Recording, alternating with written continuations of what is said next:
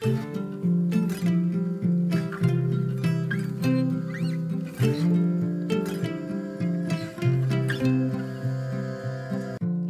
och välkommen till For Health med Anna Sparre.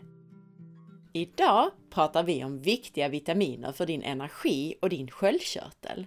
Och vi kommer in på saker som hur sköldkörtelmedicinering påverkar din kropp.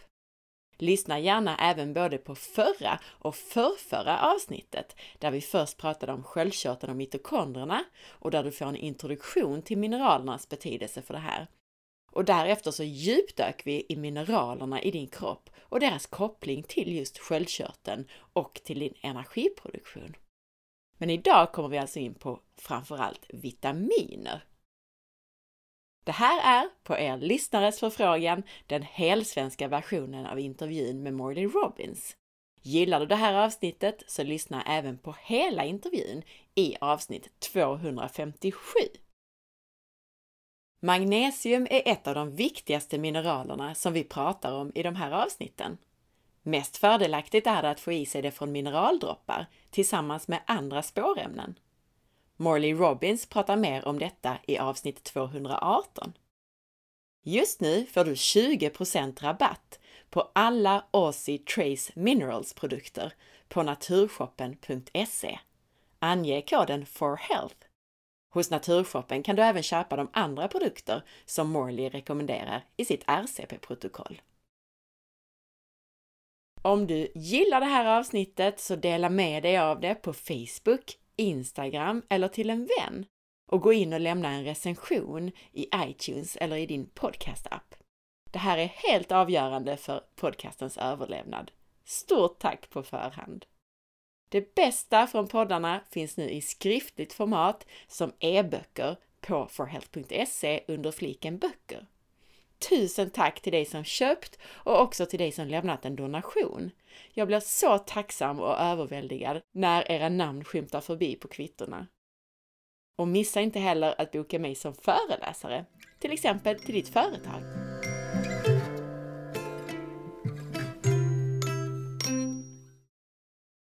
Vi kommer direkt in på ett verkligt överkursämne. Tyrosinas är ett enzym som hjälper oss att producera pigment, melanin, från aminosyran tyrosin. Men jag har hört Morley prata om hur tyrosinas är del i C-vitamin och hur tyrosinas skulle vara involverat i sköldkörtelhormonernas funktion. Morley berättar att det inte handlar om att han har läst en massa studier på ämnet utan att inte minst utifrån namnet tyrosinas så borde det ha en relation till tyrosin som även bygger sköldkörtelhormonerna. Och till the thyroid då, sköldkörteln. Så tyrosinase och thyroid, det är den kopplingen där. Men också för att tyrosinas har en roll i produktionen av ceruloplasmin, det protein då som innehåller koppar och gör koppar biotillgängligt i kroppen. Och för att det finns många funktioner runt allt det här där vi saknar information. I mitten av tyrosinasenzymet så finns det koppar och detta tyrosinas finns alltså i C-vitamin. Morley betonar skillnaden mellan askorbinsyra och vitamin C från mat. Askorbinsyra är bara en del av vitamin C. Och lyssna gärna mer kring det här ämnet i Morleys och mina tidigare avsnitt 218 till 221. C-vitamin från mat eller matbaserade tillskott är viktigt för sköldkörteln och energiproduktionen, inte minst för att det innehåller koppar. Dessutom innehåller i regel mat som innehåller C-vitamin även zink och andra mineraler. Och det här inkluderar mat som till exempel nypon och lever. Det är både rikt på C-vitamin och på mineraler. Morley betonar att koppar och zink inte är jämlikar. Den viktiga relationen är i huvudsak mellan koppar och järn, där koppar reglerar kroppens järn. Och hur det här då är viktigt för energiproduktionen. Det zink i överskott gör, det är ju att stimulera ett protein som binder upp kroppens koppar och gör det otillgängligt. Och det här pratar vi ju mer om i våra andra avsnitt. När det gäller D-vitamins påverkan på sköldkörteln så ska vi först och främst ha retinol, A-vitamin, i åtanke. Retinol är, som vi pratat om bland annat i förra avsnittet och som vi kommer att prata mer om snart, en nyckelspelare för både vår energiproduktion och för sköldkörteln. D-vitamin i stora mängder påverkar tillgängligheten av retinol. Stora mängder D-vitamintillskott blockerar både upptag och användning av retinol, av A-vitamin.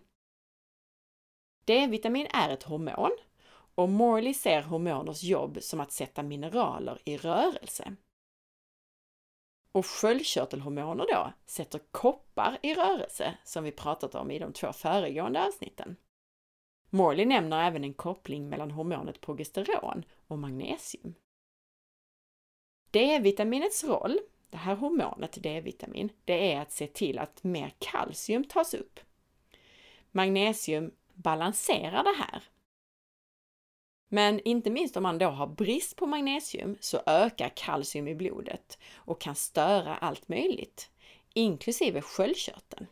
Det här gäller alltså om man tar stora mängder D-vitamin. Överskott av kalcium då i sin tur, som man skulle kunna få av för mycket D-vitamintillskott.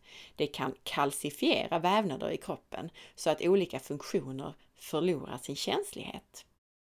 Och om vi pratar benskörhet och kalcium, och då kalcium som utsöndras ur skelettet, så ska oron vara över att kalcium istället hamnar i kroppens mjukdelar.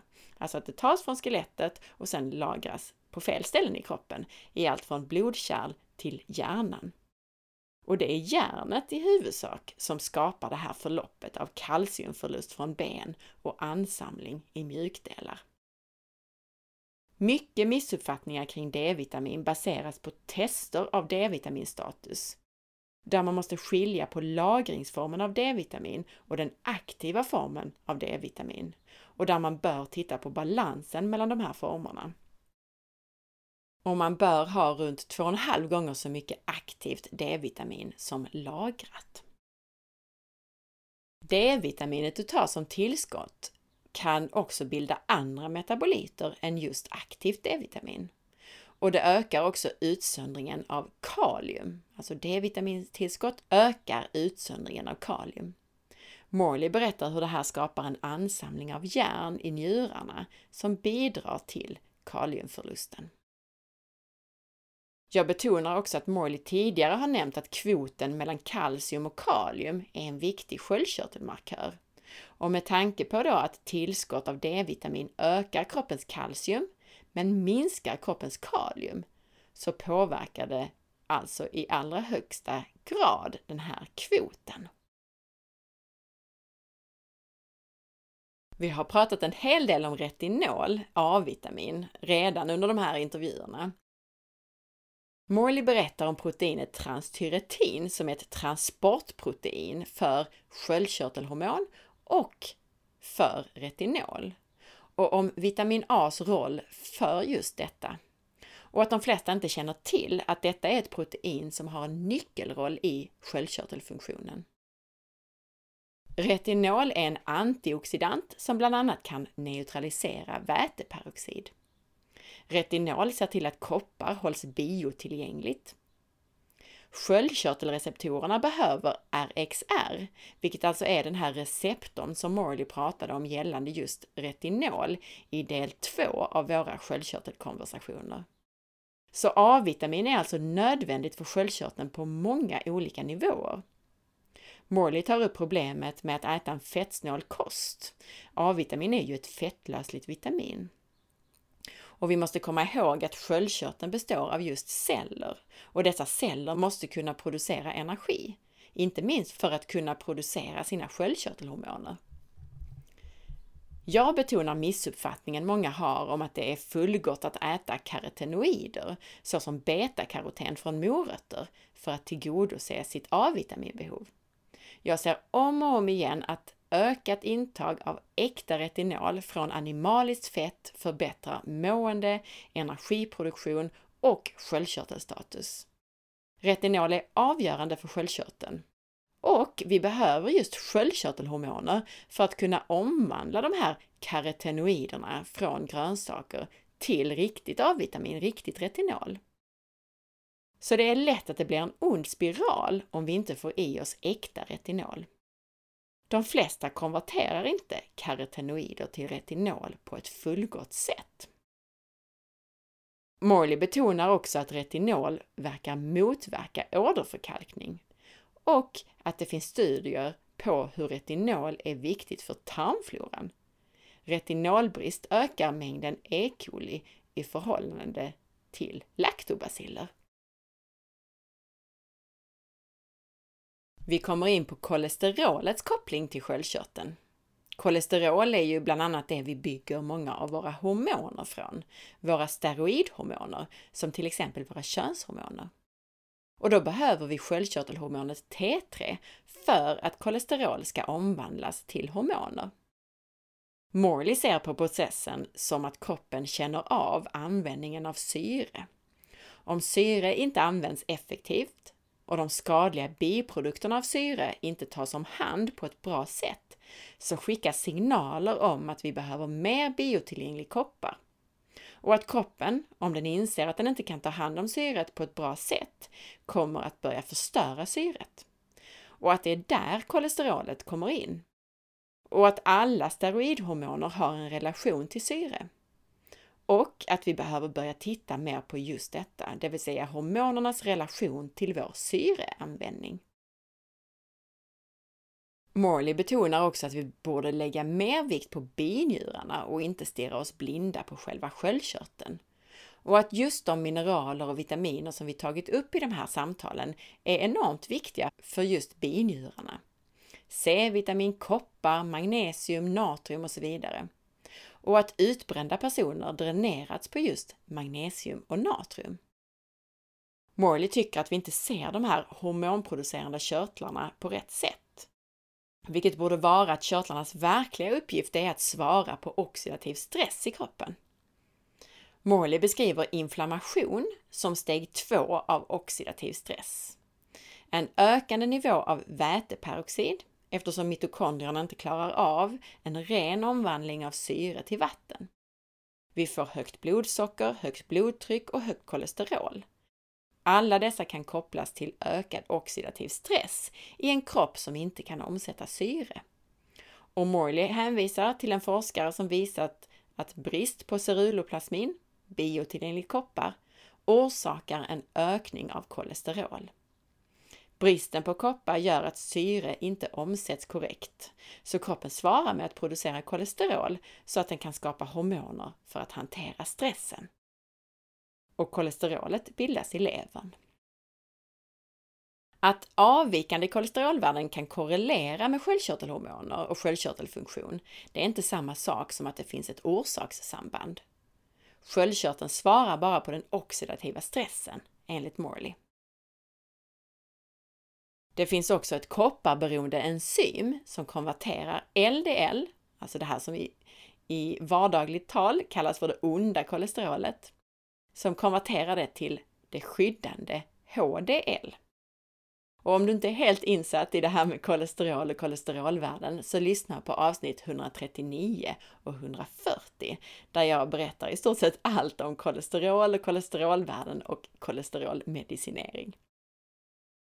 Det man vet är skadligt med kolesterol, det är ju inte kolesterolet i sig, utan oxiderat kolesterol. Och Morley menar att problemet med oxidation av kolesterol beror på överskott av järn.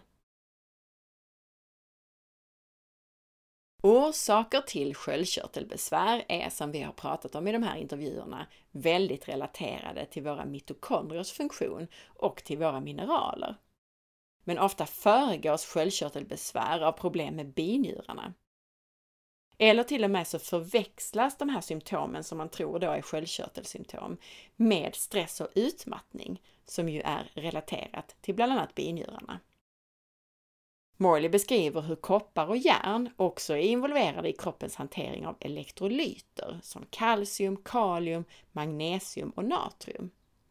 Järn har kapacitet att öka kalcium och natrium och koppar har kapacitet att skydda magnesium och kalium. Morley beskriver hur våra körtlar, som till exempel binjurar och sköldkörteln, monitorerar energistatus och syrestatus, alltså övervakar det här för att hjälpa kroppen att svara på stress. Och att vi är duktiga på att hantera akut kortvarig stress, men att kronisk stress är ett problem. Och ett stort problem är också att inte ge dessa körtlar näringstät mat med mineraler och andra viktiga näringsämnen. Morley nämnde redan i förra intervjun att kvoten mellan de här mineralerna, om man tittar i ett H-mineraltest, kan säga något om statusen på körteln. När det gäller binjurarna så är kvoten mellan natrium och magnesium optimal om den är 4 till 1. Och när det gäller sköldkörteln så är kvoten mellan kalcium och kalium optimal om den är 4,2 till 1. Vid stress så förbrukar kroppen mer magnesium. När det gäller natrium så är det knutet bland annat till adrenalin. Så vid akut stress så har vi ett kraftigt adrenalinpåslag och också en ökning av natrium. I nästa fas av stress så utsöndras kalium för att försöka balansera det här natriumpåslaget. Natrium och kalium måste ju vara i balans i kroppen. Men det här, den här processen, det håller inte för alltid. Kroppen kör slut på mineraler och blir utmattad. Som sagt här tidigare så är ofta även binjurarna påverkade när man har typiska symptom på underfunktion i sköldkörteln. Men som jag pratar om i tidigare avsnitt, bland annat i avsnitt 111, så ligger oftast autoimmunitet bakom sköldkörtelbesvär. Morley menar att ansamlingen av järn i kroppen och oförmågan att ta hand om väteperoxid är en viktig mekanism bakom autoimmunitet. Makrofagerna i immunförsvaret slutar att fungera optimalt. Makrofagerna har två viktiga funktioner, en inflammatorisk funktion och en läkande, sårläkande funktion. Makrofager som är fulla av järn fastnar i en inflammatorisk nedbrytningsfunktion. Och det, menar Morley, är vad autoimmunitet är. Makrofagerna har förlorat sin förmåga att slå om från nedbrytning till reparation på grund av för mycket järn. Väldigt många personer världen över medicinerar med sköldkörtelhormoner med hormonet T4. Och de här läkemedlen har namn som till exempel svenska Levaxin eller amerikanska Synthroid. Morley beskriver hur många personer som återställer mineralbalansen i kroppen och på så sätt då även mitokondrernas funktion kan trappa ner eller sluta med sin medicinering. Han betonar att medicineringen inte återuppbygger vävnaden i sköldkörteln. Kroppen och dess vävnader återbygger och förnyar sig själv konstant och den behöver mineraler och andra näringsämnen för att göra det och den behöver ha förmågan att producera cellenergi för att göra det. Morley betonar att han inte vet exakt hur sköldkörtelmedicinering påverkar andra funktioner i kroppen, inklusive mineraler, men det finns saker att ha i åtanke. Till exempel att det finns patienter som avråds från att ta magnesiumtillskott för att det kan påverka medicineringen negativt. Och det här tycker han inte låter riktigt klokt. Morleys syn är att det inte finns sjukdom så som vi ser på den idag. Det finns metabol dysfunktion. Och den här dysfunktionen skapas av felreglerade mineraler, obalans bland mineraler. Och den här obalansen skapas av stress. Och den värsta stressen för kroppen är just det vi pratat om i form av överskott av järn och oreglerat syre. Morley har även sagt att sköldkörtelmedicinering förstör magnesium och kopparmetabolismen i kroppen och att syntetiskt T4 kan minska produktionen av cellenergi, ATP, den som är så viktig för allt i hela kroppen. Anledningen till det här är att T4 reglerar mängden ATP som tillverkas, alltså mängden cellenergi. Morley frågar sig, varför ska man då stoppa mer T4 i en kropp som redan kämpar med att tillverka ATP? Vi måste fokusera på förståelsen av hur energi tillverkas i kroppen. Reverse T3, RT3 eller på svenska även kallat omvänt T3. Det här är en inaktiv form av det här aktiva sköldkörtelhormonet T3. Reverse T3, omvänt T3, liknar rent kemiskt det aktiva hormonet T3, men det är inaktivt. Och produktionen av RT3, omvänt T3, minskar alltså den mängd aktivt sköldkörtelhormon som finns tillgängligt för kroppens celler. Med inflammation, vilket är ett tecken på ansamling av järn, så ökar någonting som kallas för HIF, Hypoxia Inducible Factor. Detta är något som utsöndras som svar på minskade syrenivåer. Och med detta så ökar också reverse T3, omvänt T3, markant. Och det är ett svar på dålig ämnesomsättning i kroppen, dålig energiproduktion. En kropp som inte kan reglera järn och inte kan reglera syre. Kroppen har den här funktionen att omvandla T4 till omvänt T3 istället för aktivt T3 för att den känner av att saker inte fungerar som den ska. HIF har signifikant betydelse för många saker som händer i kroppen. Det påverkar 65 olika gener i kroppen, vilka alla relaterar till inflammation på grund av dålig syremetabolism. Det har en stark koppling till att slå om kroppens omvandling av T4 till T3 mot att omvandla mer reverse T3, omvänt T3 istället alltså. RCP-protokollet som Morley har nämnt kan du lyssna mer om i våra tidigare intervjuer, särskilt då i avsnitt 218 till 221, men även i avsnitt 242. Men i korthet så handlar det om att äta näringstät mat och att sluta med ett antal saker och tillskott, inklusive tillskott av järn, D-vitamin, zink, askorbinsyra och kalcium. Och sen att med mat och matbaserade tillskott få kroppen att öka tillgång på magnesium och biotillgängligt koppar, vilket i sin tur kan reglera järnet i kroppen, vilket i sin tur kan förebygga oxidativ stress, vilket i sin tur förebygger konstant magnesiumförlust. Och det här görs genom bland annat tillskott av magnesium i rätt former. Det görs med mineraldroppar och det görs med retinol, alltså med riktig A-vitamin i balans med D-vitamin från torskleverolja. Och dessutom med hjälp av vitaminer och mineraler från att äta lever. Att lämna blod för att bli av med överskottsjärn, det är en annan viktig komponent i det här protokollet. Det är också viktigt att se till att det inte finns andra saker som kan sätta käppar i hjulet och det här inkluderar bland annat emotionell stress och rädslor och histaminpåslag på grund av intoleranser. Histamin stressar kroppen och DAO, DAO, diaminoxidas eller histaminas, det är det enzym som är viktigt för att ta hand om histamin. Och histamin har ju att göra med intoleranser och allergier. Morley beskriver hur en av ceruloplasmins viktiga enzymfunktioner är just som enzym, alltså som histaminas. Så att återställa ceruloplasmin gör att kroppen börjar kunna ta hand om histamin igen. Det här är ju mycket intressant för alla med intoleranser och histaminintolerans.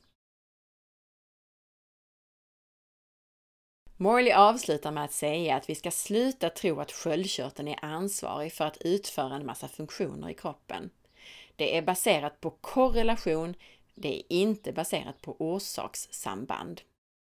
Kroppens funktioner utförs med hjälp av cellenergi som måste kunna produceras av mitokondrierna.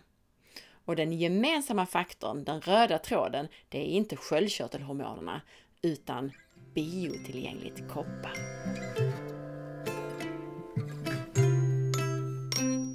Tack för att du lyssnade! Jag hoppas att du gillade det här avsnittet. Gjorde du det så dela med dig av avsnittet och sprid det så att fler får ta del av den här spännande informationen om hur kroppen fungerar.